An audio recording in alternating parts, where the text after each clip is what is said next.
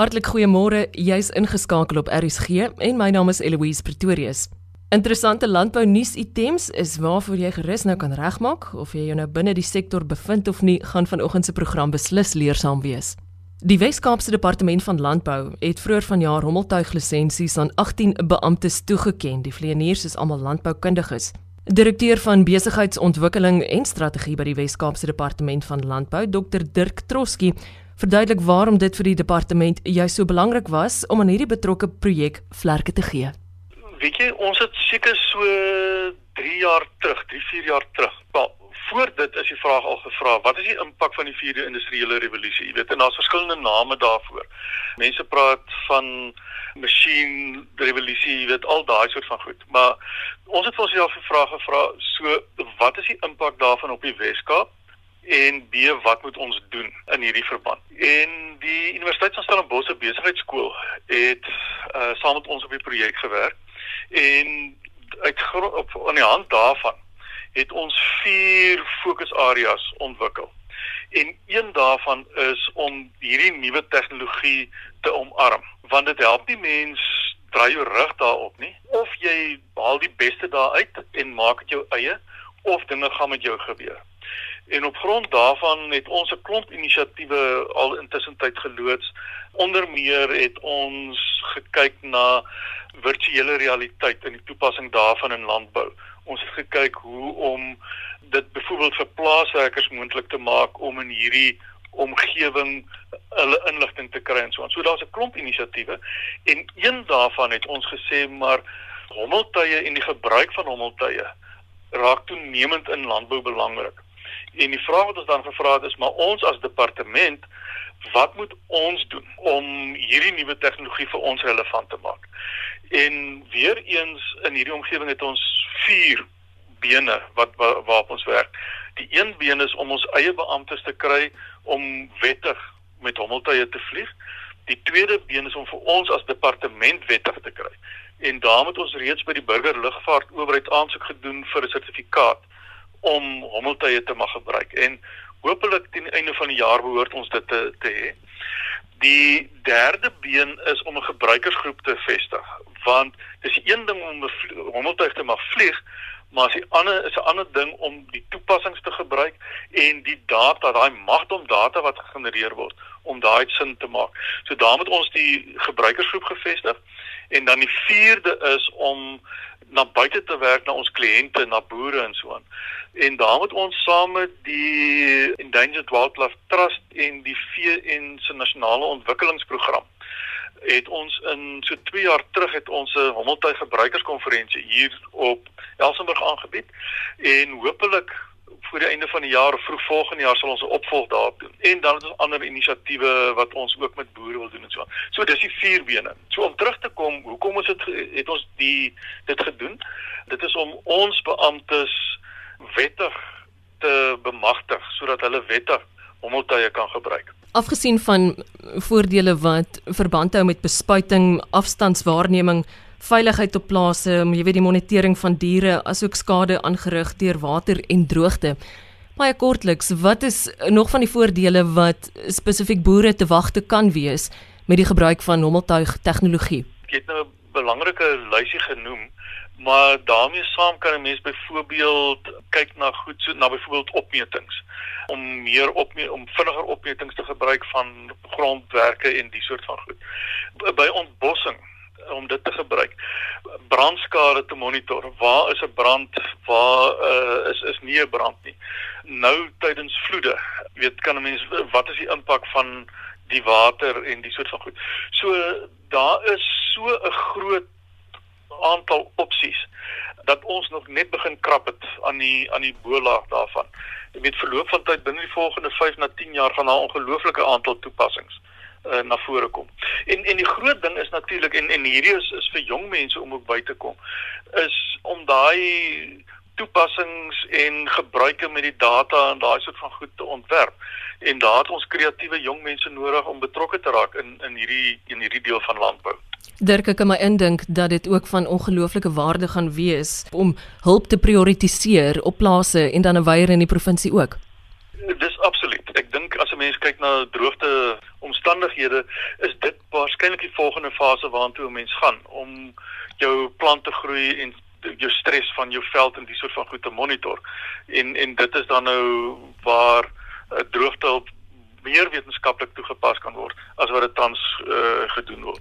Jy het vroeër kortliks daarin geraak ook. Jy weet baie mense en ek sluit myself daarbey in vind die hommeltuig ongelooflik futuristies, maar dit is uiters belangrik dat mense hierdie tegnologie moet omarm eerder as om dit te vrees. Absoluut. En ek dink wat ons vir ons as 'n doelwit ook gestel het is om te sê dit is een vorm van nuwe tegnologie. Daar is ook 'n klomp ander nuwe tegnologieë wat landbou soos ons dit ken totaal gaan verander binne my lewenstyd. So wat ons dan ook besig om te doen is is 'n 'n beplande proses om na hierdie nuwe tegnologieë te kyk en te kyk wat is die impak daarvan op landbou en hoe kan ons dit in die departement toepas sodat ons as departement meer effektief is maar ook binne die landbou in breër konteks sodat jou boere internasionaal meer mededingend kan wees. Dirk, ek was mateloos beïndruk om te sien hoeveel vroulike beamptes ook hulle lisensies bekom het. Kan jy dalk vir my kortliks daaroor kommentaar lewer? Jy, dit is 'n baie interessant dat jy dit noem. Want tydens ons seleksieproses, ons keuringsproses, was daar geen kriteria in terme van ras, geslag, geloof, enige van daai goed nie. En die dag toe ons nou die lisensies aan die mense toeken, toets ek verstom hoe divers die groep is wat die wat wat hulle lisensies kry.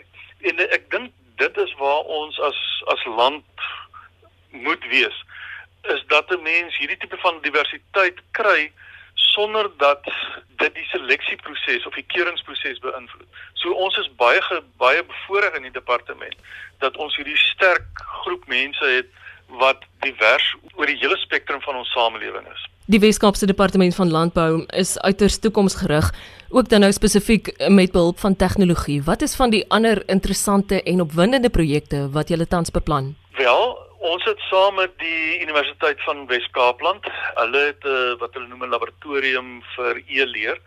Hulle het 'n module ontwikkel vir e-handel. En ons het dit saam met hulle is dit dan nou pas gemaak spesifiek vir boere wat beweeg van kleinskaalse boere na kommersiële boere. So dit is ontwikkel en toegepas. Ek het verwys na die plaaswerkers module wat wat ook ontwikkel is. Ons het saam met 'n ander eenheid van die Universiteit van Wes-Kaapland het ons gewerk in terme van om te kyk na toegevoegde virtualiteit of virtuele realiteit. Daardeur het ons in die college het ons het, het is daar byvoorbeeld uh, module ontwikkel oor trekker instandhouding waar jy die trekker in 'n driedimensie in 'n driedimensionele komponent kan waarneem en sien wat die komponente en die toepassing daarvan.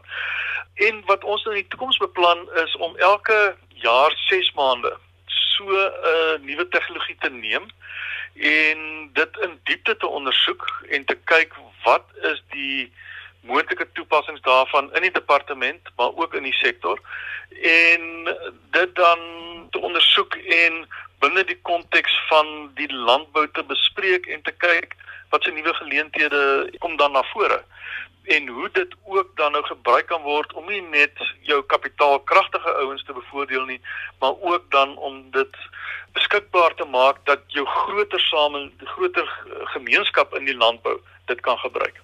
Ek dink wat wat belangrik is is dat wat ons doen, doen ons ook vir ons kliënte en daar gaan geleenthede na vore kom waar ons boere en jong mense gaan ondersteun in hierdie omgewing van die 4de industriële revolusie.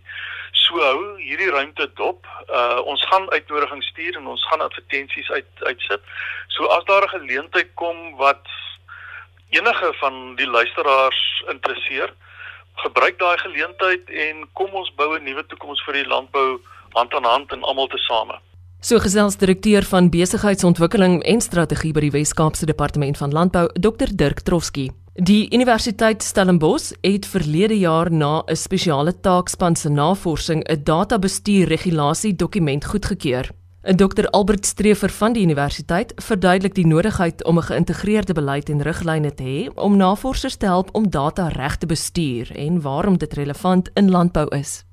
Ja, Eloise, ek dink dit is interessant hoe die proses verloop het want ek dink daar was baie druk geweest veral van 'n mediese en mediese fakulteit kant af om seker te maak dat die universiteit, jy weet, voldoen aan die riglyne in terme van as hulle met pasiënte werk of met menslike ehm um, deelnemers aan byvoorbeeld uh, surveys of so werk. So die die die moeilike ding daar is dat met die persoonlike inligting wat nou uh, al ingekom het laas jaar maar wat nou mos nou eintlik die wagperiode vir vir implementering of die die grasieperiode vir implementering verval mos nou hierdie jaar so in Julie. Uh so dis belangrik dat as jy met persoonlike inligting van mense werk, maar ook sensitiewe inligting werk dat dat alles in plek is. So ek dink die universiteit behalwe vir die feit dat dat baie mense aanlyn dinge gedoen het laas jaar het die universiteit ook besef dat hulle het verskeie beleide maar dit dis belangrik om 'n om 'n enkele beleid te hê wat mense kan lees en seker maak dat navorsers jy weet in lyn met die beleid is.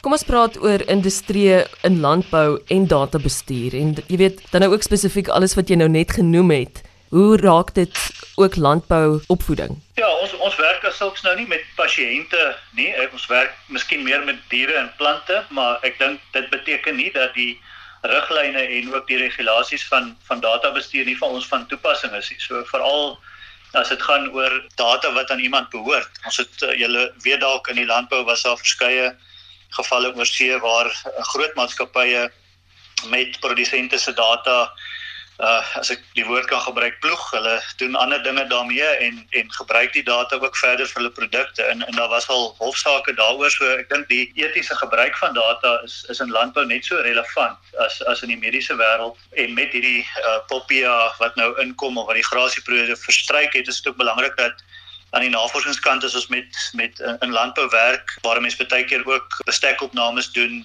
met mense betrokke dat 'n mens ook weet hoe hoe om dit te doen en om nie eh, data net om data goed te bestuur. So so wat nou gebeur in hierdie in hierdie riglyne is dat navorsers eintlik nie gedwing word nie, maar sterk aanbeveel word en en eintlik dis 'n vereiste van baie befondsers ook dat navorsers 'n databestuursplan implementeer. En daar's 'n sogenaamde fairer uh, stelsel vir data beginsels.